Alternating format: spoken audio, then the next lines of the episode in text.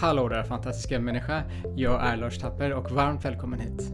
Tack för att du har tagit dig tid till att tona in dig på den här podden. I den här podden kommer du och jag att prata om hur det är att leva en medveten livsstil. Det är en livsstil som innebär att du kommer att nå en inre framgång inom alla områden av livet. Såsom relationer, pengar, känslor och hälsa. Du och jag kommer att utforska vad det innebär att säga ja till dig själv. Att säga ja till livet och att prioritera dig själv först. Varmt välkommen till en medveten livsstil.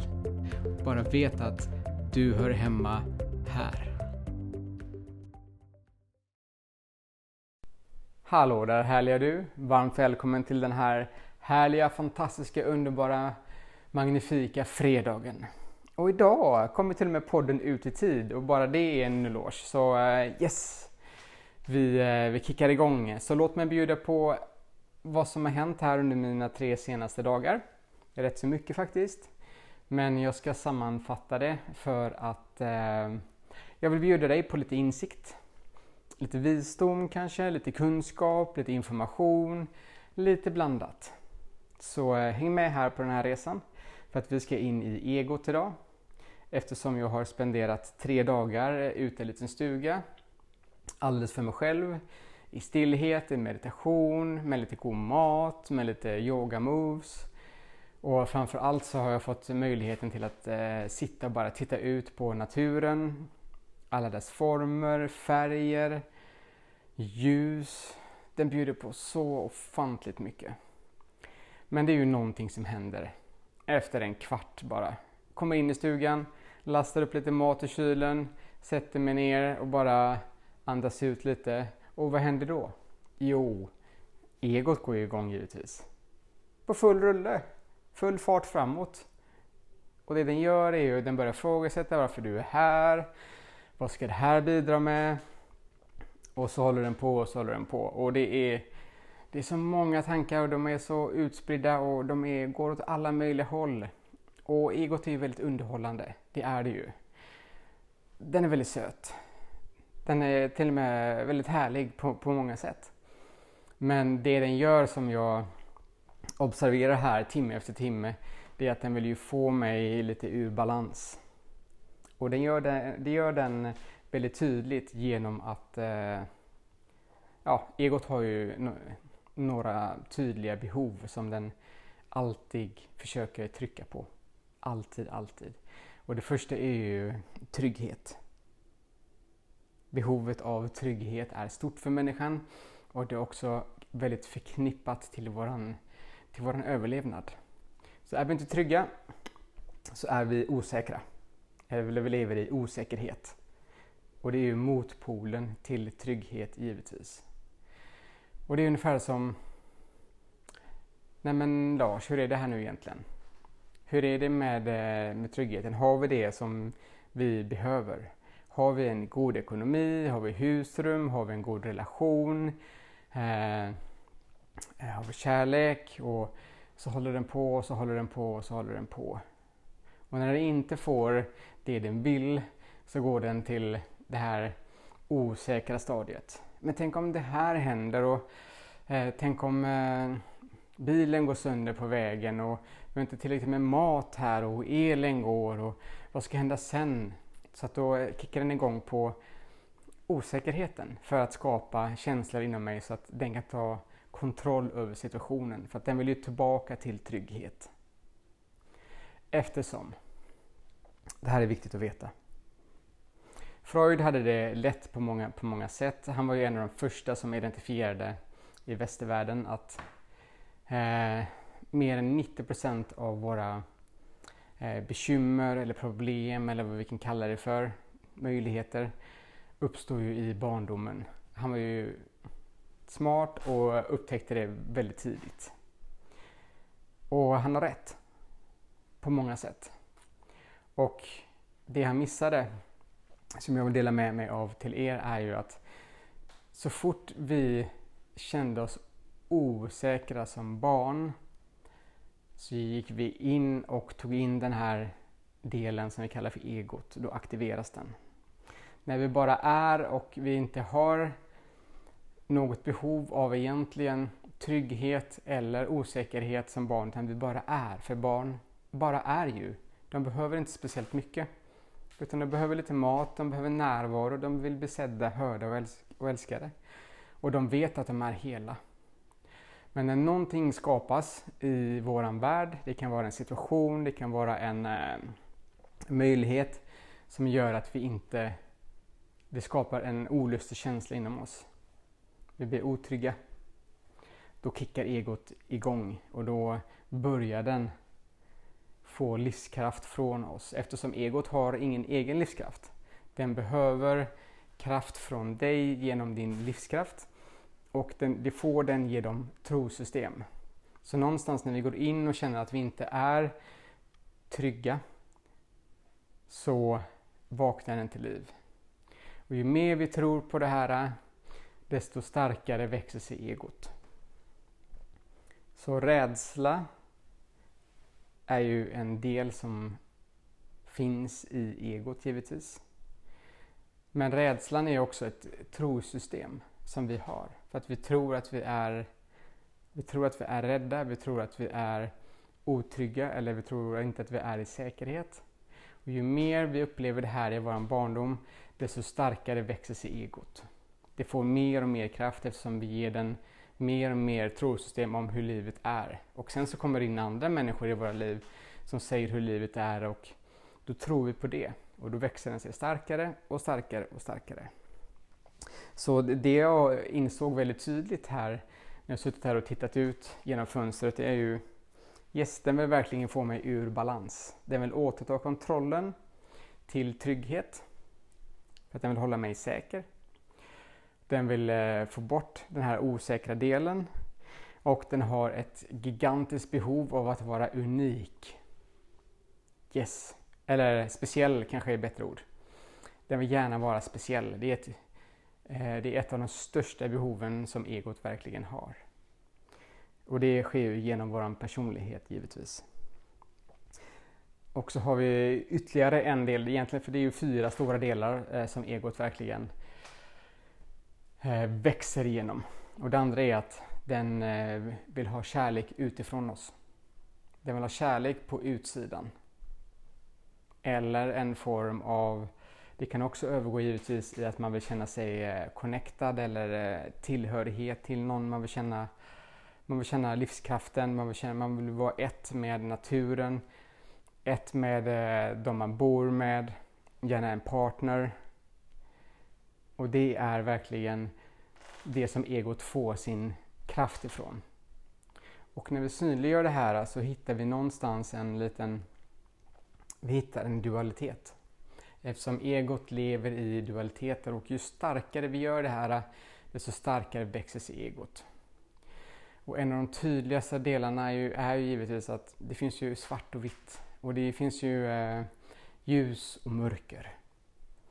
Och eh, precis som vi eh, växer upp i en miljö med, med Disneyfilmer och allt möjligt så redan som barn så blir vi inrotade i att det finns någonting som är gott, det finns någonting som är ont. Och redan där så förstärks vårt ego och delen med den. För sanningen är att, vi leker bara med ett eh, scenario här, att det finns en anledning till varför de rika är rika. Och det finns en anledning till varför rikedom finns. Men rikedom finns enbart för att det finns fattigdom. Så när det inte finns någon fattigdom kvar finns det heller inga rika människor eller rikedom på det sättet. Då försvinner hela konceptet. Då dör den delen med att vi måste kämpa, prestera, vi måste fokusera, växa och bli större. Då bara dör det ut helt och hållet. Och livet idag är fyllt med, med de här tydliga delarna. Precis som att det finns lika med många dagar som nätter. Det är alltid 50-50 från, från egot. Det är alltid 50-50 med hur vi ser världen. Och det är det som är det spännande för när vi kan lämna den delen, vi kan lämna det trosystemet och titta på hur det faktiskt är just nu så kommer du växa väldigt mycket. Och någonting som, som jag tar med mig från, från de här tre dagarna det är, det är egentligen vad är det jag vad är det jag håller tillbaka i mig? Som egot tror är dåligt. Eftersom egot är ju i polariteter. Det är positivt och negativt. Så vad är det som jag ser med mig själv som är dåligt? Vad är det jag ser med mig själv som är bra? Om jag kan lämna de här delarna och bara dyka upp i min vardag precis som jag är istället. Utan att tänka på vad andra ska tycka och tänka utan att jag får möjligheten att uttrycka den jag verkligen är. För få har verkligen gjort det här arbetet. Vi kan tänka oss till det, vi kan eh, vara där i tankarna, vi kan leka med det. Men få tittar faktiskt på hur vi, hur vi är på insidan. För det är ju någonting som vi gömmer för oss själva. Och eh, som jag sa, Freud hade rätt. Mycket kommer från barndomen. Vad är det vi inte vill visa för, för andra människor? Vad är det vi gömmer djupt, långt där inne? Egot är ingen fiende. Men den håller oss tillbaka i vår naturliga utveckling. Så antingen tar vi med den på resan eller så börjar vi göra val som inte är ifrån egot. Det vill säga vi, vi bara gör saker och ting precis som de är utan att behöva göra egentligen val. För gör vi val så, så ser vi ofta saker och ting ur perspektiv, ur positivt eller negativt. För något val bidrar till något mer än till något annat. Men kan vi bara hoppa över det här steget och göra val och sluta tänka så mycket och bara göra så blir livet mycket, mycket, mycket spännande. Och jag kommer garantera att du kommer inte ha den blekaste aning om vart du, du dyker upp om ett år från och med nu. Om du väljer den resan. Det går inte ens att föreställa sig i fantasin. Och varje gång den här, för det, det, det, det hände flera gånger nu under de här dagarna. Det, det som hände var ju att det kändes som att egot fick en liten törn liksom så att den ja, fick sig en liten käftsmäll och den bara landade ner och den tyckte synd om sig själv och det kändes som att ah, skit också liksom. Att man når botten liksom. Och vad är det som sker egentligen när man når botten? Jo, vi, har inte, vi ger inte egot kraft längre. Det är det enda som sker när vi når botten. Det är att egot får sig en, en, en törn, en, en paus. Du kommer definitivt att växa av det. Och tittar vi på de människorna som har verkligen nått botten, kanske till och med flera gånger i sitt liv. De säger ju alltid, alltså inga undantag, att det är det bästa som har hänt dem. Eftersom de växer och prioriterar annorlunda efter det. Vilket gör att ego får väldigt svårt att hänga med sen efteråt för att den kan ju inte ha den tryggheten och kontrollen över det längre. Vi ger den inte kraft och energi längre. Så vad, vad skulle hända om du inom, jag leker lite med tanken här. Vad skulle hända om du når botten en gång om året i de närmsta 30 åren? Vad skulle hända med ditt liv? Vi bara leker lite med tanke för att, för att vi kan och vi har möjligheten till att göra det. Vad skulle hända då? Och hur skulle ditt liv se ut? Just det, vi, vi kan inte ens fantisera om det för att det är så långt borta. För att vi vill ha det vi har. Och det är en form av trygghet. Och det vet marknaden om. Alla marknader vet om det här och de spelar på det hela tiden. Och de spelar på rädslor för oss, för att hålla vårt ego i schack. Eftersom det är lätt att förutse vad egot kommer att välja och hur vi kan styras. Så vi lever i en liten härlig box där vi tror att vi gör val som är fria men vi gör valen utifrån boxen. Det vill säga så valen handlar inte om frihet egentligen eftersom vi fortfarande är i boxen så de är fortfarande begränsade.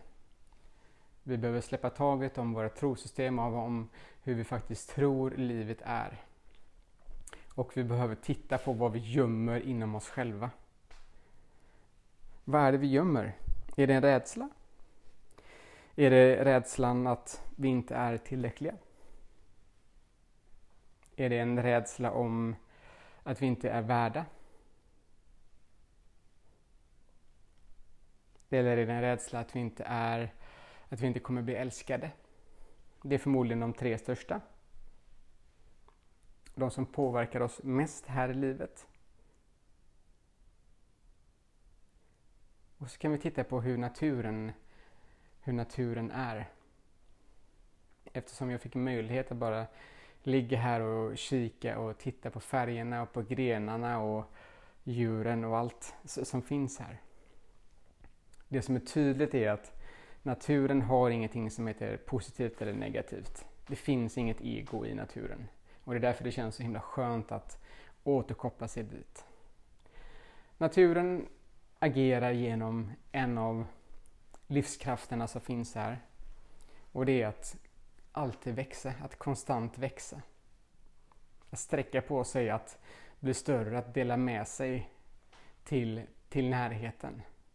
Och naturen gör det i hundrafalt. Det är inte ett frö som kommer från, från ett träd eller från en blomma utan det är ju hundratals, ibland tusentals. Den sprider glädje, den delar med sig och den bara är utan att den behöver tänka på det. Det är väldigt naturligt för, ja, för naturen, rimmar nästan, att, att göra det här för den växer. Vi är också från naturen. Så att för oss att växa är också en naturlig del på insidan. Men om vi bara lägger tid på att växa på utsidan, att förändra världen på utsidan, så missar vi hela upplevelsen av livet.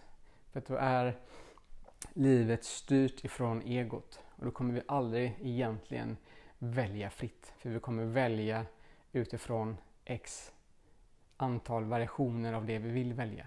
Det är en begränsad valmöjlighet och vi tror att vi är fria. Men det är vi inte. Det är, det är en fasad, det är en illusion. Och något annat som naturen är som den gör, det är att den automatiskt givetvis vill växa, men också att den bidrar. Den bidrar till andra genom sitt ekosystem. Det finns en hierarki, det finns en naturlig balans i naturen som är så att man äter, man delar med sig av varandra, av det som är.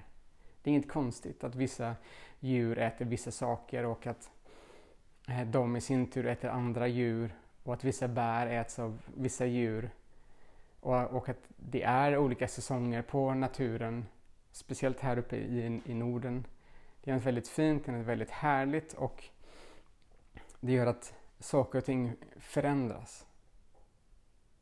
Och kan vi också komma ihåg att vi är här för att bidra, inte för att ha rätt och ha fel eller se saker och ting som positivt eller negativt utan vi bara är här för att vi är här för att uppleva livet. Och genom att vi bidrar så möter vi också andra människor. Och genom andra möten så växer vi. Vi läker genom andra möten och det är det som är det fina på många olika sätt. En kram är otroligt, otroligt läkande. Att se någon i ögonen är otroligt läkande. Så vi behöver påminna oss att återkoppla oss till vårt naturliga tillstånd. inte till egots tydliga sfär om positivt och negativt utan vad behöver du? Och framförallt titta på vad är det vi gömmer inom oss som vi inte vill titta på? Kan vi bli vän med det? Kan vi ta upp det till ytan? Utan att värdera det som någonting, utan som en del av dig som vi inte har tittat på länge. För egentligen har vi ingen aning om vad det betyder idag när vi tar upp den här delen. Det kan vara att vi inte vågar eh, göra fel till exempel, att vi har en eh, perfektionist inom oss. De, det handlar ju enbart att ha saker och ting under kontroll så att det ser rent och snyggt ut. så att det inte blir några fel någonstans. Den delen har vi blivit lärda. Kan vi ta upp den delen och bara kika lite för skojs skull för att ta emot den, att acceptera den precis som den är. När vi gör det så kommer vi att växa på insidan. För då lägger vi fokus på insidan. Så mitt råd till, till dig idag är att ha kvar det du har kvar på utsidan. De relationerna som du har, eh, med de jobben som du har, med de människorna som är runt omkring dig. Ha kvar det som är, jobben och allt vad det innebär. Men börja lägga fokus på insidan. Börja lägga fokus, eller fokus, börja lägga din uppmärksamhet genom din meditation på insidan. Börja bli vän med det här utrymmet inom dig. När det börjar bli jobbigt och vi sitter där och benen, eh, det gör ont i benen och vi känner olika känslor i kroppen. Börja bli vän med de delarna. Börja acceptera det som, som dyker upp. Inte som att det är något fel eller att det gör ont utan lidande är en del av upplevelsen här på jorden när vi är i egots sfär. Så är det verkligen. Kommer du ihåg den här härliga rackaren Buddha? Han som, upp, han som blev eh, uppvuxen i ett palats där, där allting var fantastiskt fint. Därför det inte fanns någon sjukdom och det fanns mat, överflöd och färger och tyger och utbildning och, och allt med allt. Tills han en dag smög över, eller smög gjorde han förmodligen inte, men han hoppade över eh, någon form av staket antar jag, jag vet inte. Eh, och fick se hur det var utanför palatset. Hur fattigt det var i, i byarna. Vad som hände och hur folk levde. Och han kunde inte förstå varför det var så här för, för en del människor. Och han såg tydligt att det fanns två världar. Positivt, negativt, härligt och bra. Och tills han gick med ett gäng mystiker som eh, överlevde, som levde enbart på ris. Och han gjorde det ena efter det andra. Olika sorters eh, träning för att komma i kontakt med den som han är på insidan. Han försökte i många år att ändra världen på utsidan. Tills han satte sig ner i meditation och vände sitt fulla fokus inåt. Och då händer det grejer. Med tålamod, med möjligheterna, så började han kultivera och han började närma sig den han verkligen var på insidan. Och vår härliga historia är full med sådana människor som har gått den här resan och som fortfarande gör det. Så välj att åtminstone lägg ett öga på insidan och ett på utsidan istället för att ha två konstant på utsidan. För att det...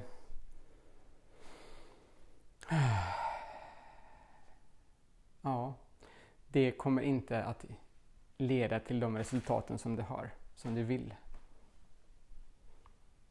Jag kan ta ett exempel till här. Så om du nu vill bli, vi säger rik till exempel. Du vill ha en miljon på banken. Om man nu kan kalla det för rik, jag vet inte. Men eh, du kör, du jobbar och du lägger i det här lilla extra och du bara låter pengarna växa, växa, växa tills du efter 10 år, eller 15 år eller 2 år når den här miljonen. Är det då troligt att du kommer stanna och att bara vilja ha den här miljonen? Eller kommer du ta sikte på någonting längre fram? Ska du ha 5 miljoner nästa gång? Eller ett hus, en lägenhet till exempel. Vi börjar med en etta, sen så uppgraderar vi till en tvåa, sen blir det en fyra och sen blir det en villa. Vad vill vi ha sen? Är det ett sommarhus eller är det det här eller det här? Vart någonstans slutar, slutar egot? Och när vi väl har det här, eftersom det här är ett beteende från egot, när vi väl har den här miljonen så har vi nått vårt mål, vi känner trygghet i det här. Vad händer med egot då?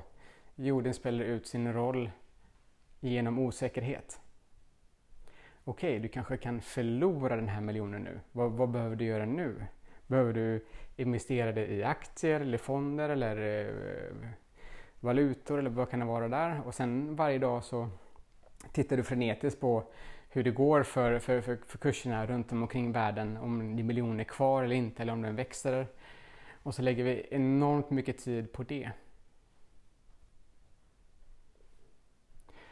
Egot är väldigt roligt och när vi verkligen synar våra mönster, det vill säga vad gömmer vi för oss själva, så blir det väldigt roligt. Så jag har haft väldigt stor och eh, underhållande Hollywood-show här hemma tillsammans med mig, min grämling och eh, ja, mitt hjärta. Mycket komik framför allt. Men också har jag sett tydligt vad eh, att en del av mina mål som jag har haft är enbart drivna från egot. Jag har lagt ner dem. De är inte relevanta längre eftersom jag inte vill lära känna egot mer. Jag vill lära känna mitt hjärta. Och då vill jag följa det som är frihet för mig. Det som ger mig frihet att uttrycka mig precis som jag är. Då behöver jag lägga tid på insidan för att, för att komma dit och komma i kontakt med den här delen. Och det gör jag naturligt genom genom att titta på naturen. Att växa och att bidra. Det är två av de mest fundamentala aspekterna av naturen. Och allt annat är bara hokus pokus. Och jag vet att vi blir indragna i det här dagligen genom jobbet, genom KPI, genom eh, undersökningar fram och hit och dit. Men frågan är i slutändan, liksom, kan vi verkligen titta på vad det är vi vill. Vad vill vi uppleva med livet? Och uppleva det redan nu. För annars så blir det som ett mål längre fram. Börja ta tillbaka kraften och börja uppleva det du vill leva eller det du vill ha redan idag. Det kan vara med små portioner, det kan vara med stora. Men gör dina val. Gör dina val för att du kan göra det, inte för att du måste. Det finns inga måsten, det är egot, utan för att du kan göra det. Och eh, med det så... Eh, det är egentligen mitt praktiska tips i den här videon, eller i den här podden idag till dig. Att titta på vad, vad är det du gömmer inom dig? Och kan det få, få komma fram? Kan nu äntligen vara stunden då det får komma upp till ytan ur djupet. Och kan vi välkomna det precis som det är utan att värdera det på något sätt. Kan vi ta bort stämplarna. Kan vi ta bort trosystemen om vad vi tror att det innebär och bara vara med det. Bara andas igenom det. Och fortsätta göra det tills vi har öppnat upp en sån kommunikation till vår inre värld att den världen blir den delen som vi fattar våra beslut ifrån. Genom hjärtat. Hjärtats kraft. Då kommer livet. För då är du med livet. Annars så är livet bara en fyrkantig låda med begränsade val. Så är det. Och det är fakta. Det är många som vet om det här men det är svårt ibland att bryta sig ur mönstret för att vi är så rädda vad andra tror och andra tycker om oss. Och det är en rädsla och den kommer från egot. Men det är värt att känna på den känslan. Det är värt att ta upp det, det lidandet inom dig. Det är värt att vara med den delen. För att den är så viktig. Den är så viktig. Och genom det så Når du rock bottom som det heter så eh, fantastiskt, det hurrar jag. Så hör av dig om du når rock bottom. Då ska jag göra en segerdans för dig. För då vet du att du är på väg att uppleva något mer med livet. Så det är genom att vi når där som, vi, som att vi växer som, som mest. Så det hurrar vi för. Så tusen tack för att du har tagit dig tid till att lyssna på den här podden. Vi eh, hörs om en vecka igen. Ta hand om dig. Hej då. Tusen tack för din tid. Att leva en medveten livsstil handlar om att göra medvetna val. Och för att kunna välja medvetet behöver du lägga ditt fokus på dig och ditt inre flöde. Och det är precis det du gör i den här podden. Följ gärna mig och dela gärna den här podden med fler. Vet att varje gång du dyker upp här närmar du dig ditt drömliv och det livet som du vill skapa. Jag hoppas vi ses snart igen.